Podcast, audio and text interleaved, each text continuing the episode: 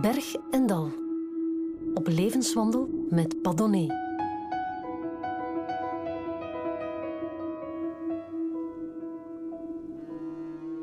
Een jaar voor de val van de Berlijnse muur gaat de zevenjarige Alicia Gesinska met haar ouders zogezegd op vakantie naar Frankrijk. In feite vluchten ze en stranden in België. De woonkazerne in Warschau, waar ze in een hok van vier op vier zaten te verkommeren, de weeë geur van de stad, het starre, iedereen in de gaten houdende en beknottende communistische regime, ze konden het niet langer aan. Hier was vrijheid. Maar dat viel tegen. Want vrijheid leek haar hier niet veel meer dan synoniem voor luiheid, gemakzucht en consumeerdrift. Vrijheid, zo ontdekte ze, moet veroverd worden. Ze is filosoof inmiddels aan de Gentse Universiteit. Dag Alicia. Zit je op een berg of zit je nu in een dal? Oh, um, ik denk dat ik op een uh, berg in een heel grote dal zit. Goh, hoe moet ik me dat voorstellen? Um, ik denk dat ik uh, in een, op een, ja, gelukkig ben op dit moment, in een uh, mooie periode in mijn leven. Maar het grote dal is het, het leven zelf, dat toch altijd een strijd is. Ja, dus niet echt een vrolijke tante tegenover mij. Ja, nee, ik ben, ik ben niet uh, uh, pessimistisch, maar ik denk, uh, ik denk eigenlijk gewoon realistisch. Ik denk het leven is, gaat met vallen en opstaan en brengt heel veel leed met zich mee. Maar het is wel een dal, zeg je. Een tranendal? Soms, soms is het een tranendal. maar gelukkig zijn er die heuveltjes en bergjes die ons even doen opleven en gelukkig laten zijn. En die het leefbaar houden? Die het leefbaar houden, inderdaad. Je was zeven toen je vanuit Polen, Warschau geloof ik, naar mhm. hier kwam. Die periode in Polen. Want ik kan me inbeelden dat je van die zeven jaar toch niet heel veel meer weet. Weinig, ja. Ik heb wel, ik heb wel nog herinneringen. Uh, en meestal niet de mooiste. Maar dat is denk ik typisch aan herinneringen uit de, uit de kindertijd. Dat het uh, toch die dat het meeste indruk hebben gemaakt op, uh, op ons. Um, en dus ik heb een paar herinneringen, ja. En die zijn? Um, ja, uh, lange wachtrijen in, uh, in de straten van Warschau, uh, lege winkelrekken, um, soms een familieruzie, zo van die dingen. En ook een paar ook optimistische dingen, hè. dat ook natuurlijk. De en geur van cake bijvoorbeeld. De geur van cake? Ja, mijn moeder die bakte elke zondag en dat staat mij toch nog altijd sterk voor de geest. Als je in Warschau bent, ook zelfs vandaag, wat dan opvalt, is meteen die woonkazernes. Hè. Ze zijn er nog wel, nu een beetje fleuriger en kleurrijker, maar... Een beetje maar. Ja. Het blijven uh, gedrochten in de stad, ja. En dan denk ik ook aan die schitterende serie Tien geboden van Kislovski. Mhm. Die zich vanuit dat ene appartement... Was het zo? Woonde je zo? Uh, ja, het is, het is, uh, het is inderdaad... Um, wonen in een hok meer. Wonen op... ja, je voelt je ergens in een onmenselijke ruimte opgesloten en niet echt in een, in een huis met, met ademruimte. Hoe groot was dat ook? Uh, in ons geval was het 4 op 4. Dus heel klein. 4 meter op 4? Ja. Dat is 16 vierkante meter. Daar woonde die in met hoeveel mensen? Vijf mensen. Nee, dat geloof ik niet. Dat is zo, ja. En zo wonen vandaag nog mensen in Warschau. Maar dat is kleiner dan de studio waar we nu in zitten, waar we al moeite hebben om elkaar niet in de weg te lopen. Uh, het is uh, de helft, denk ik. Ja. Nee. Is, nee, echt waar. Ja. En daar staat dan nog een keuken in. En een, uh, en een badkamertje is, denk ik, ja, twee op twee of zo. Echt super, super klein. Hoe overleef je in zo'n kleine ruimte met vijf mensen? blijkbaar niet, want wij zijn gevlucht. Mijn ouders hebben het niet volgehouden. Ehm, dus niet goed, alleszins. En ik heb wel eens gelezen dat mensen op een bepaald moment aan een rattensyndroom kunnen gaan lijden. Dat ze elkaars strot durven over te bijten of willen bijten, omdat ze zo zeer uh, claustrofobisch worden. Uh, dat heb ik niet meegemaakt, uh, maar het verbaast me niet. Dat het uh, met zich zou kunnen meebrengen dat mensen als dieren beginnen zich te gedragen, aangezien dat ze toch bijna als dieren wonen. Maar voor jou net niet, hè, want je bent dan op je zevende met je ouders gevlucht in 1988, dat is een jaar voor de muur zou vallen. Dus dat mocht gewoon niet, wat jullie deden. Nee, dat mocht niet. Uh, dat is ook uh, met, uh, met moeite verlopen. Mijn ouders hebben van alles moeten regelen om dan toch toestemming te krijgen om uh, het land te verlaten. Natuurlijk hebben we beloofd om terug te keren. Ehm, en zo zijn we dan eh, zo gezegd op vakantie gegaan naar Frankrijk. Ehm, maar we zijn in België gebleven. Was dat van bij het begin de bedoeling, België? Dat weet ik niet zo precies. Ehm, wat de echte bedoeling was of ehm, wat de eindbestemming was. Maar ik denk dat mijn ouders het eh, ook niet echt wisten. Alles was beter, denk ik, dan, eh, dan onder eh, het communistische regime en onder dat juk te leven. Jouw vader viel gewoon zonder benzine en dan kwam je in België terecht. Zoiets, ja. ja. Dan kom je in België. Wat, wat, wat wist je eigenlijk vooraf van het Westen? Goh, dat het er beter ging zijn, dat uh, veel meer eten, exotisch fruit, uh, speelgoed, mooie kleren. Al die dingen hadden mijn ouders mij verteld. Allee, mij en mijn zussen. Dus alleen maar positieve verhalen. Ik dacht echt dat het uh, hier veel mooier zou zijn. Ik weet nog toen wij aan, aan de Poolse-Duitse grens stonden. En mijn vader zei, kijk daar aan de overkant van de Oder, dat is een ander land. En ik had echt zoiets van, oeh, maar de, de, de bomen zijn daar groen en, en de hemel is daar blauw. Ik had me zo alles paars en rozig voorgesteld. Dus dat was dan wel een hele grote uh, teleurstelling dat de, de wereld er dan heel gelijkaardig uitzag. Dat we dus ook gewoon groene bomen hadden. Ja, inderdaad. en zouden hier ook geen geweldige grote kiwis uh, te koop zijn? Uh, mijn vader die sprak wel van hele lange kiwis. En ja, dat was dus het levende bewijs dat hij ze dan toch niet echt gezien had zelf tijdens het communistische, de communistische tijd. Mm. Uh, maar inderdaad, we hebben samen met mijn ouders heel veel uh, zaken hier ontdekt. Want voor mijn ouders was het ook een ontdekking. En ontdekt en viel het dan uiteindelijk tegen? Uh, ja en nee. Dus ik heb, ik heb zeker niks tegen de westerse vrijheid of, of uh, uh, al de mooie dingen dat het Westen met zich meebrengt. Dus ik wil daar niet negatief over zijn. Maar wat het contact met het Westen mij wel heeft geleerd, dat het u, u begeven in een vrije ruimte, u begeven in een mooie ruimte, in een ruimte met zoveel kansen en mogelijkheden, u niet meteen gelukkig maakt. Zeker als je van die mogelijkheden en die kansen geen gebruik kan maken. Uh, en dus, en dus uh, een vrije ruimte en geluk hangt niet meteen samen met elkaar. En dat is wat we vaak denken.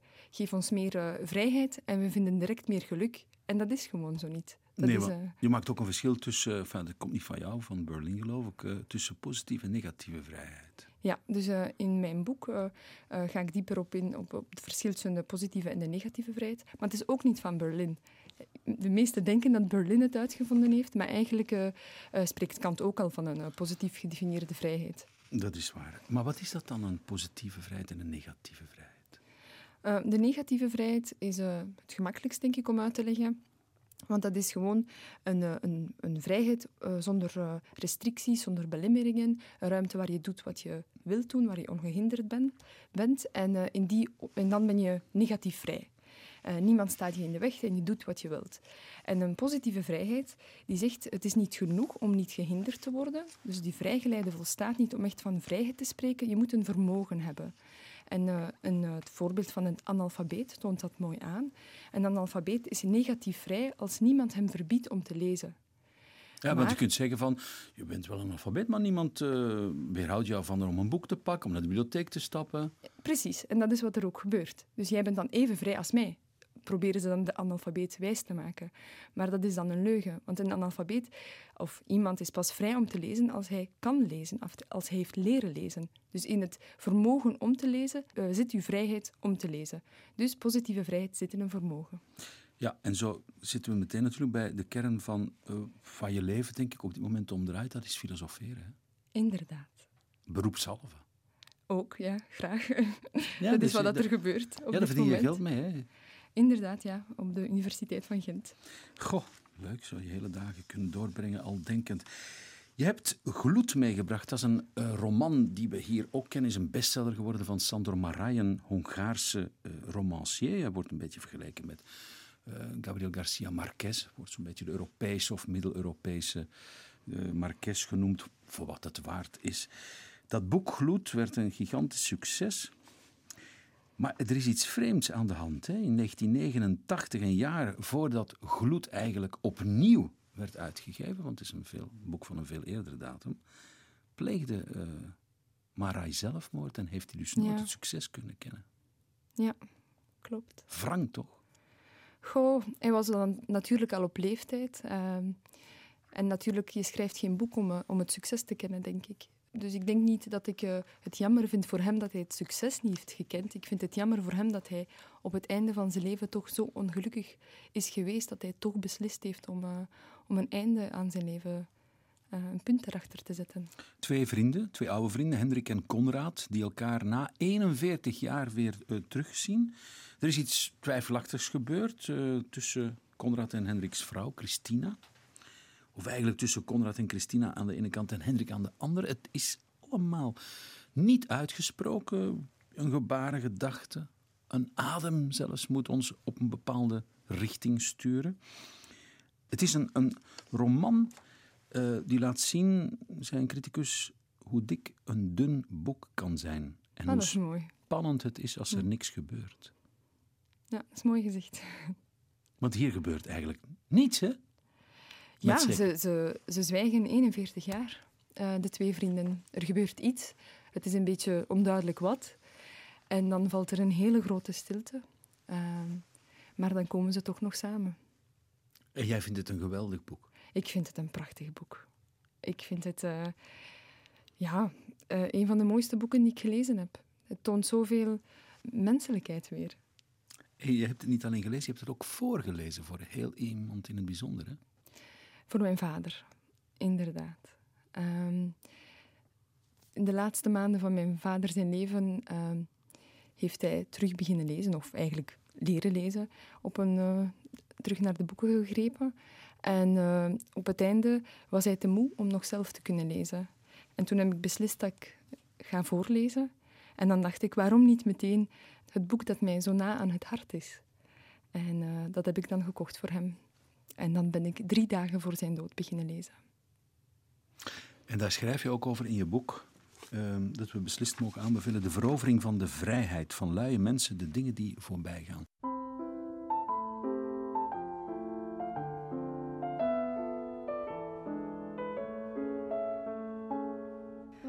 Op het sterfbed van mijn vader begon ik Gloed van de Hongaarse schrijver Sándor Maraj voor te lezen. Ik had de Poolse vertaling ervan voor mijn vader gekocht, de laatste maal dat we samen in Polen waren, twee weken voor zijn dood nog. Weinig romans hebben mijn kijk op de wereld, de mensen, de dingen zo beïnvloed als die kleine roman van Marai. Het heeft fundamenteel mijn kijk op vriendschap bepaald en de onbaatzuchtigheid van de liefde. Het kunnen geven als een geschenk dat zoveel mooier is dan welk ontvangen ook. Prachtig is de wijze waarop Marai uitwerkt hoe elke mens op de grootste levensvragen antwoordt met zijn eigen leven. Wie ben ik? Heb ik goed gedaan? Had ik anders kunnen doen? Was ik laf of lui? Moedig of onbesuist? Het is het leven dat daarop antwoordt. Of wij antwoorden erop met ons eigen leven. De twee hoofdpersonages van het boek, Hendrik en Konrad, heel intieme vrienden, antwoorden heel duidelijk door 41 jaar te zwijgen. De een door eenmaal het geweer op de ander te richten, de ander door zich 41 jaar af te vragen waarom dat destijds is gebeurd. De een door te vluchten in de tropen, de ander door nooit meer een woord tegen zijn vrouw te spreken, ook al is ze stervende, ook al schreeuwt ze zijn naam uit. Dat zijn hun antwoorden. En het laatste antwoord spreken ze uit door na 41 jaar nog eenmaal samen te komen, als vrienden en ook dan nog zoveel ongezegd te laten. Het boek toont aan dat elk moment uniek is en de betekenis daarvan immens. Eén klik, één keer het geweer dat achter iemands rug gericht wordt tijdens de jacht. Eenmaal wordt niet het hert, maar de jager geviseerd. En een hele wereld verandert. Een huwelijk, een vriendschap, drie levens. Alles wat we doen, doen we in het aanscheid van de dood, maar ook voor de eeuwigheid. Net door die eenmaligheid, die onomkeerbaarheid, die onherstelbaarheid van alles wat we doen en nalaten te doen. Ik las het boek aan mijn vader voor, tot mijn stem schor werd en mijn ogen moe.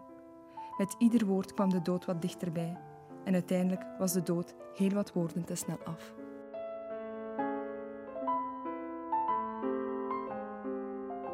Heb je het boek nog helemaal kunnen uitlezen voor je vader? Nee, we zaten net in de helft.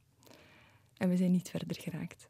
Ik heb nog gevraagd, uh, want hij was al te moe en hij zei nee, um, ik kan me niet meer concentreren op de woorden. En dan vroeg ik, wil je, wil je niet weten hoe dat afloopt? Ik zal je anders een samenvatting geven. En hij zei, nee, nee, ik draag het wel zo met mij mee. God, is fantastisch. Dus, want je, dan zou je inderdaad, de neiging is dan toch groot om naar de laatste pagina's te gaan en snel te zeggen wat er ondertussen is gebeurd. Ja, en hij wou in het ongewisse blijven. Hij zei, ik draag het zo met me mee. Ja. Mis je hem? Ontzettend. Ja. Hoe oud was hij? 60 jaar. En is hij aan iets in het bijzonder gestorven? Uh, pancreaskanker. En uh, uh, het is eigenlijk heel snel gegaan, in vier maanden tijd. Dus eind april, twee jaar geleden juist eigenlijk, kwamen we te weten dat hij kanker had. En toen, toen was hij nog fit en gezond, zoals alle papa's, denk ik, van, van, van iedereen. en hij zag er eigenlijk veel beter uit dan de meeste mannen rond die leeftijd.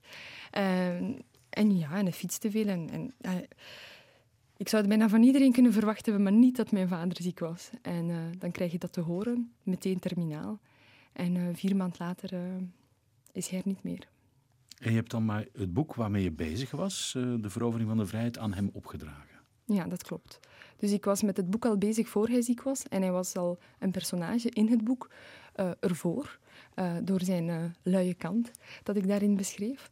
Uh, en toen werd hij ziek en toen vroeg ik mij af, wat, wat ga ik nu doen? Ga ik uh, hem nu weglaten uit het boek? Ga ik hem nu houden en doen alsof er niks gebeurd is? Of ga ik zijn ziekte en zijn dood erin verwerken? En ik heb uh, voor het laatste gekozen. Ja, want je kunt zeggen, jouw vader was een luiaard, hè, zoals je hem beschrijft. Hij leed aan oblomovisme, zeg je. Ja. En dat is dan natuurlijk geïnspireerd door het personage Oblomov. Van klopt, van de, van de, ja, van de Russische schrijver Goncharov. Ja. En waarom wat is dat precies, Oblomovisme? Misschien leidt het daar ook wel aan. Oh, Oblomov is, uh, is uh, niet zomaar een, een luiaard, uh, maar hij is iemand die de afspraak met zijn leven mist. Hij is zo lui dat hij alles naar de dag van morgen uitstelt, waardoor hij zijn leven uitstelt. En aan zijn luiheid en, en zijn uitstelgedrag eigenlijk ten onder gaat. En dus vergeet te leven. En vergeet te leven.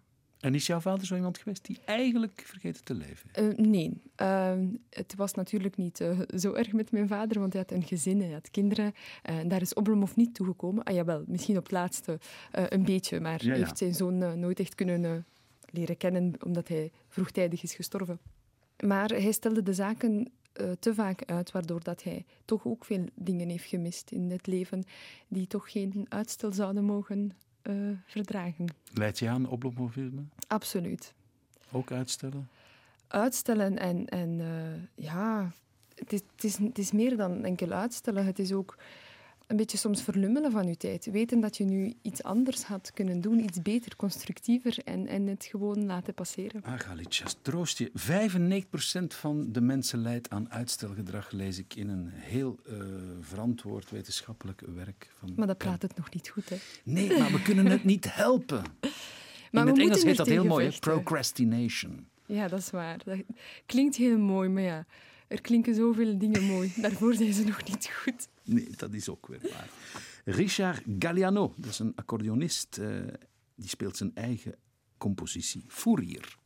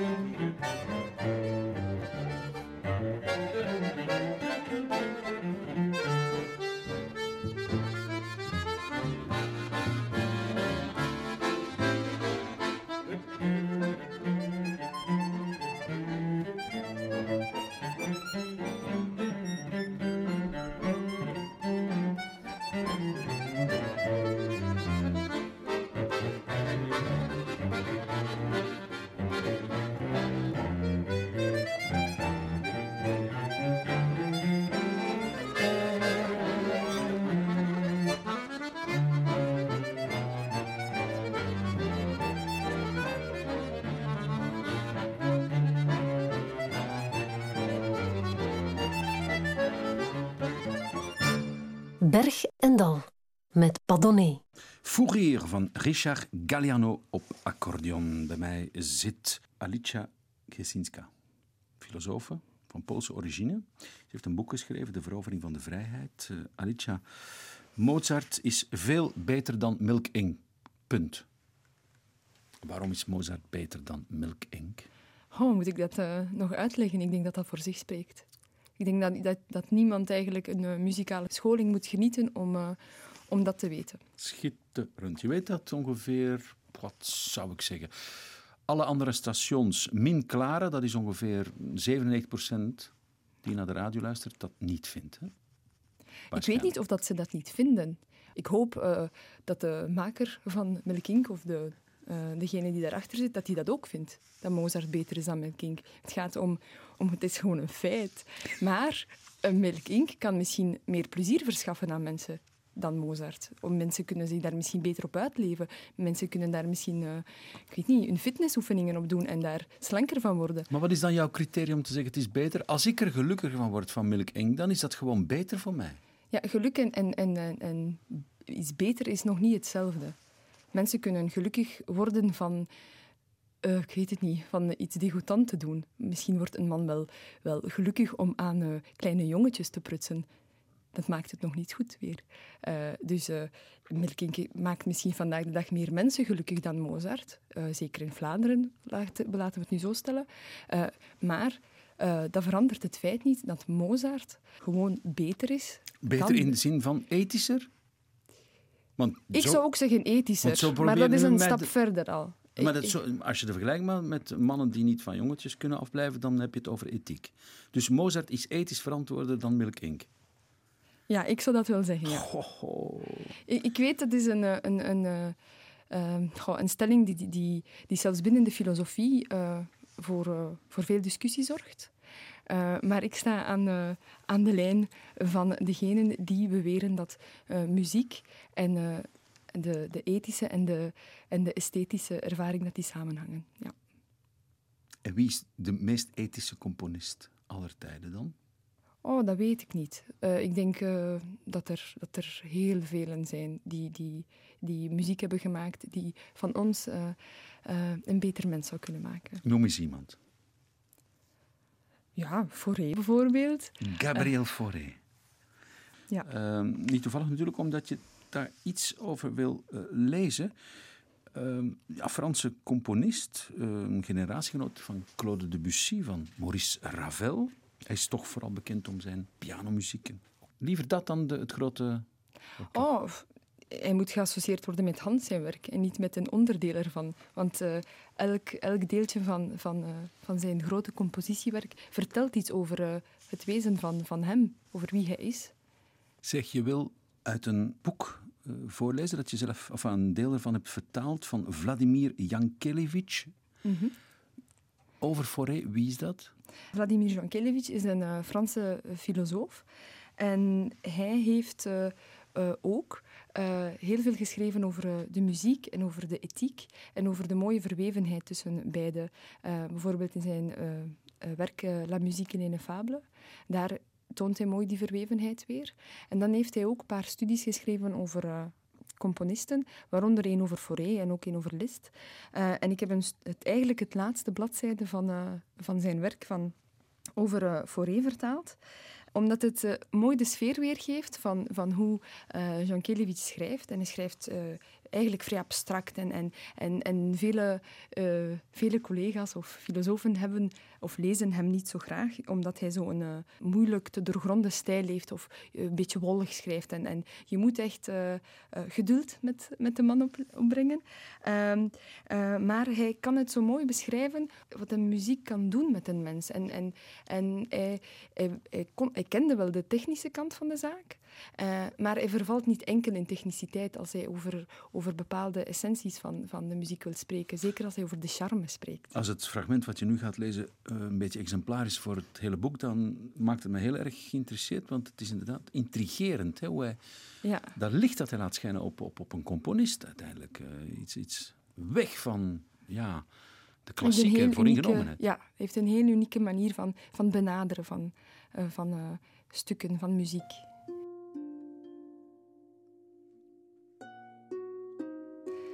De muziek van Fauré stilt het passionele tumult, hoewel ze zelf gepassioneerd is.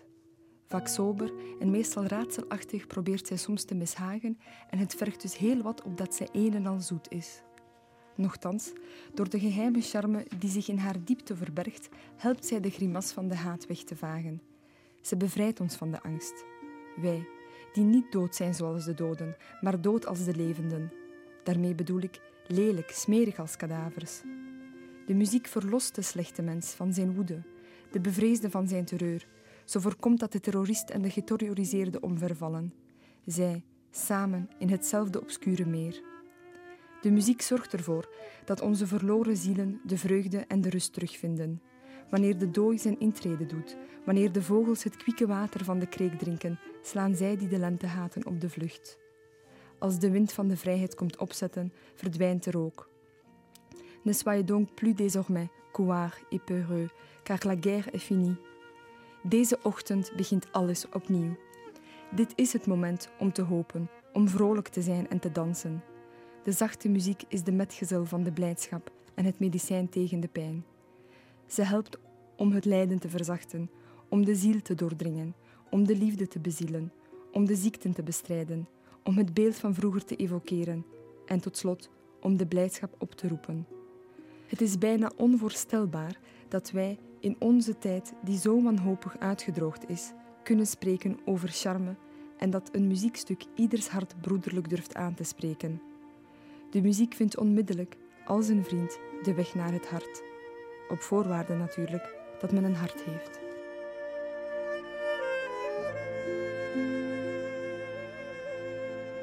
Ja, dat laatste, ehm, dat zullen we ons eh, geen twee keer laten zeggen. Je moet dus eigenlijk een hart hebben. Je moet je daar voor open kunnen stellen, zegt uh, Jan Kelevich, om van muziek te kunnen genieten. En misschien ook wel te, muziek te kunnen doorgronden. Ja, dus in het boek legt hij uit waar de, de essentie van de muziek draait om de charme. Maar de charme zit niet louter in de muziek, of zit niet in ons als mens, maar in de interactie tussen uh, de luisteraar en het muziekstuk, tussen het subject en de object. Dan ontstaat de charme. Dus jij moet je naar de muziek richten en dan de muziek richt zich naar jou. En zo kan er een soort dialoog ontstaan. Je, treedt in dialoog met de muziek. Uh, en zo kan er begrip ontstaan. Maar dat wil dus zeggen dat uh, die componist of die kerel die muziek aan het spelen is aan de andere kant, dat die ook zijn best moet doen hè, om mij te kunnen raken.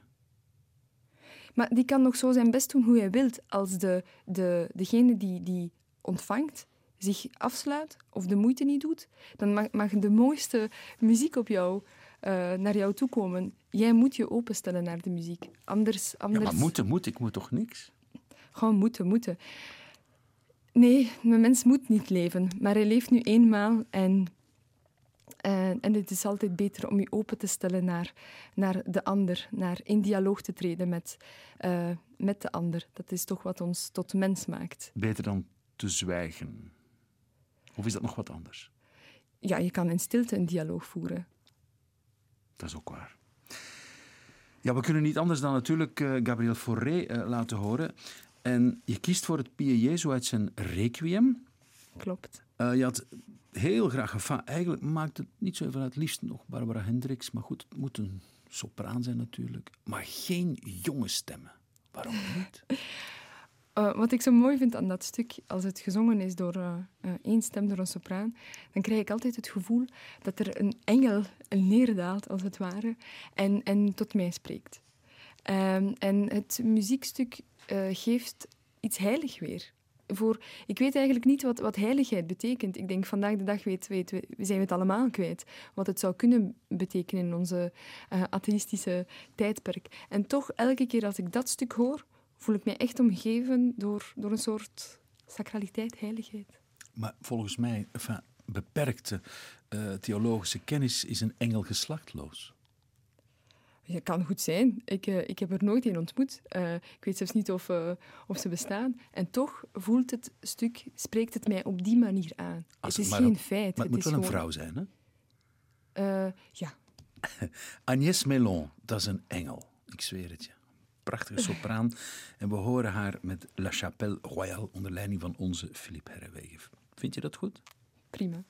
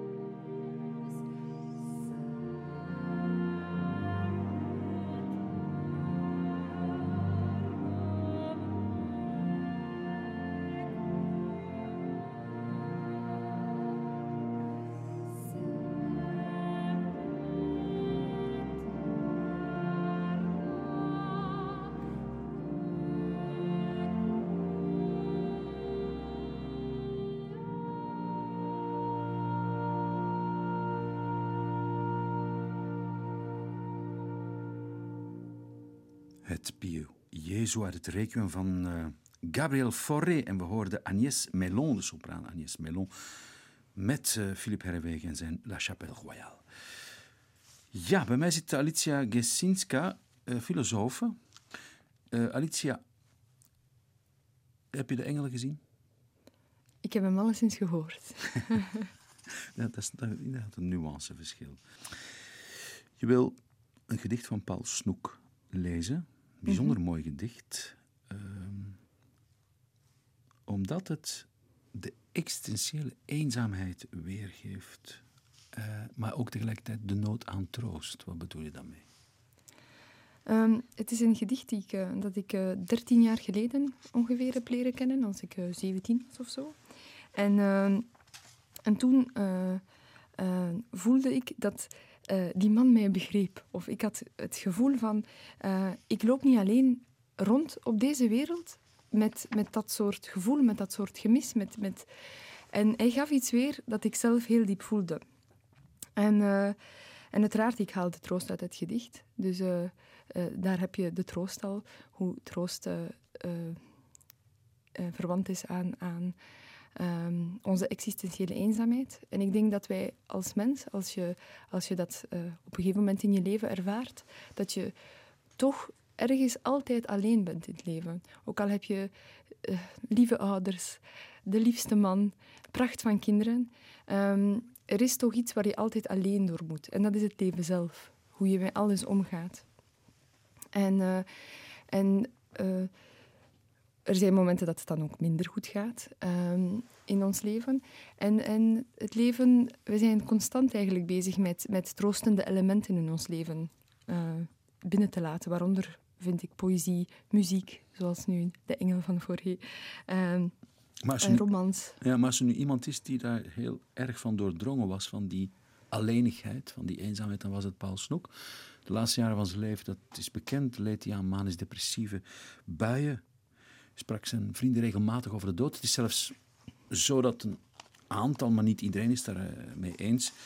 Dat hij zelfmoord zou Ja, dat hij dus zichzelf heeft eigenlijk uh, ik denk het doodgereden. Ja? ja, ik denk het wel. Ehm, Waarom denk je dat?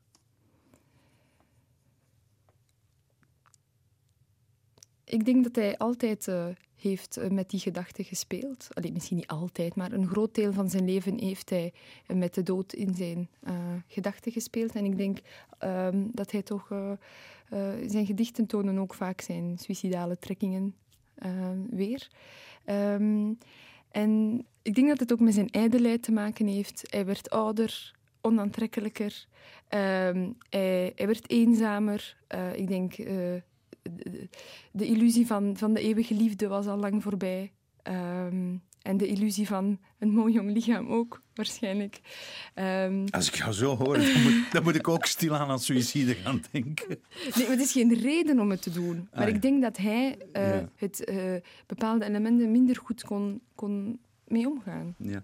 Hoe dan ook, die poëzie blijft natuurlijk overeind. Dat is evident. Die kunnen we tot vandaag uh, lezen en tot in de eeuwigheid uh, der tijden natuurlijk. Conversatie met mijn bloemen, zo heet het. We gaan eens luisteren.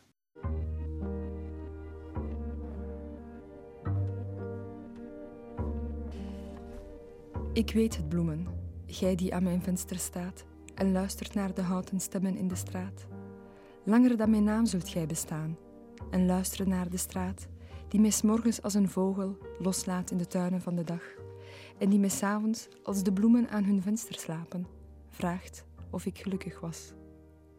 Gij weet het, bloemen, gij die aan de kleuren namen geeft en luistert naar mijn klein gebeuren in de straat, dat ik een wezen ben dat tussen mensen staat en dat alleen is, meer alleen dan aan mijn venster in zijn kleine kooi, de blinde vogel die zijn meester haat.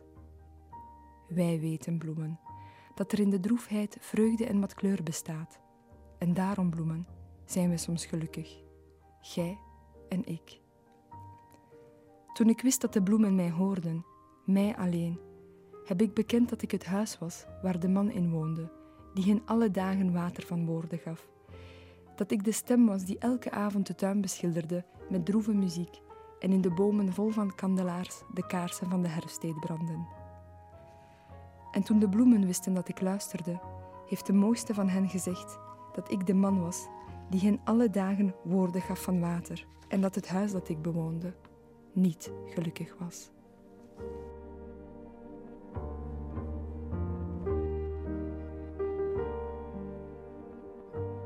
Ja, vooral die laatste zin die komt bijna als een mokerslag uh, op je heen. Hè? Dat het huis dat ik bewoonde niet gelukkig was. Ja. Want het geeft dan ineens een heel andere kleur aan dat uh, praten met de bloemen natuurlijk. Het enige wat hem kennelijk dan nog rest is praten met de bloemen. Water geven. Daar dan de troost uit putten of wat?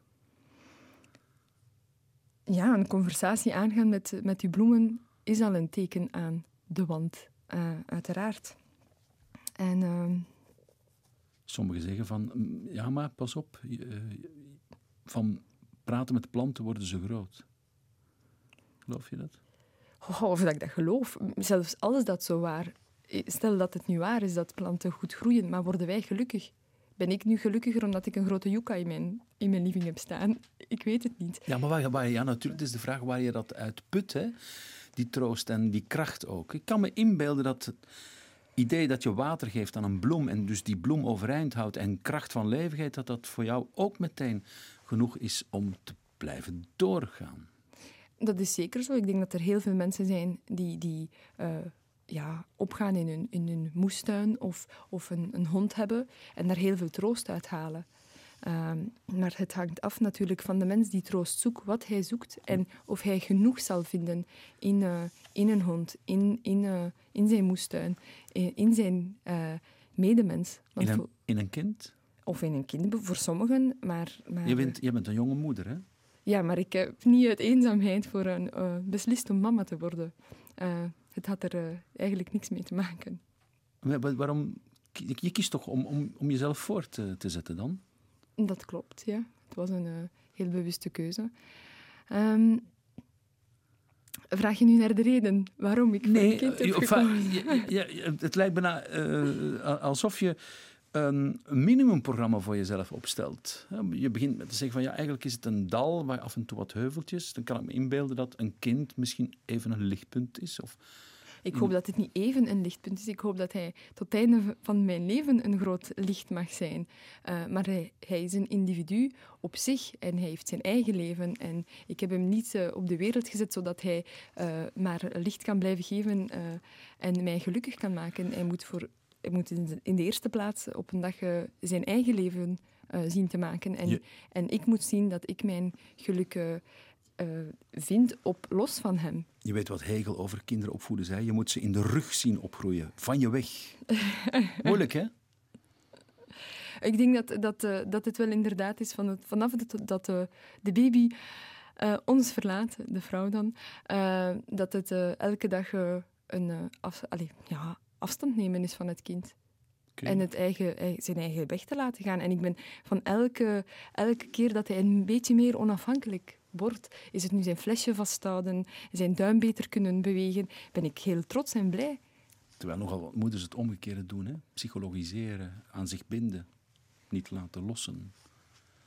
Ik ben, geen, uh, ik ben niet gespecialiseerd wat moeders wereldwijd doen met, met hun kinderen. Ik kan alleen maar voor mezelf spreken dat, uh, dat uh, mijn ambitie is er een, een, onafhankelijk individu van te maken. Mm -hmm. Dat los van mij kan opereren en ik los van, van het kind.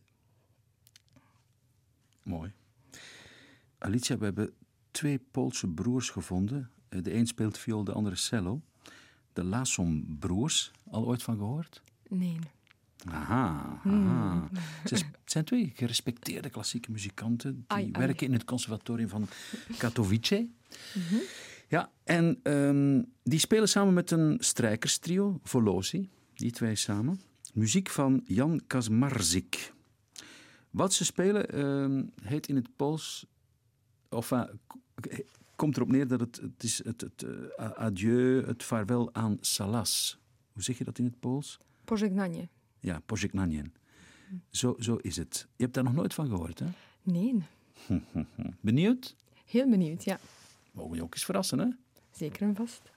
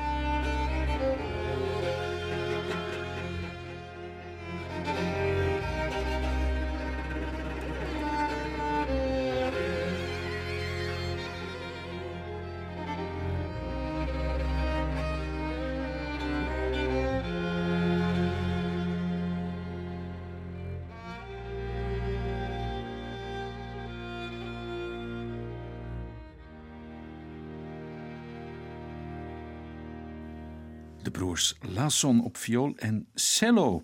En ze speelden muziek van Jan Kazmarzik. Wat vond je ervan? Heel mooi. Ja? Zeg je Ik zal het zeker opzoeken en uh, herbeluisteren. Alicia Kesinska. Wat is je credo?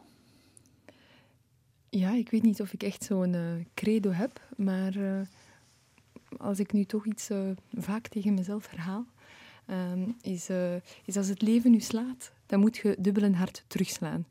En, uh, dus als ik in, uh, in een dal zit, als het heel slecht gaat, dan vloek ik heel hard op, op het leven en dan ben ik het allemaal zo beu. Maar dan zeg ik altijd, wacht maar, maar wacht maar. Ik ga je wel terug hebben, terug liggen hebben. En, en ja, zo sta ik denk ik in het leven. You ain't seen nothing yet, zoiets.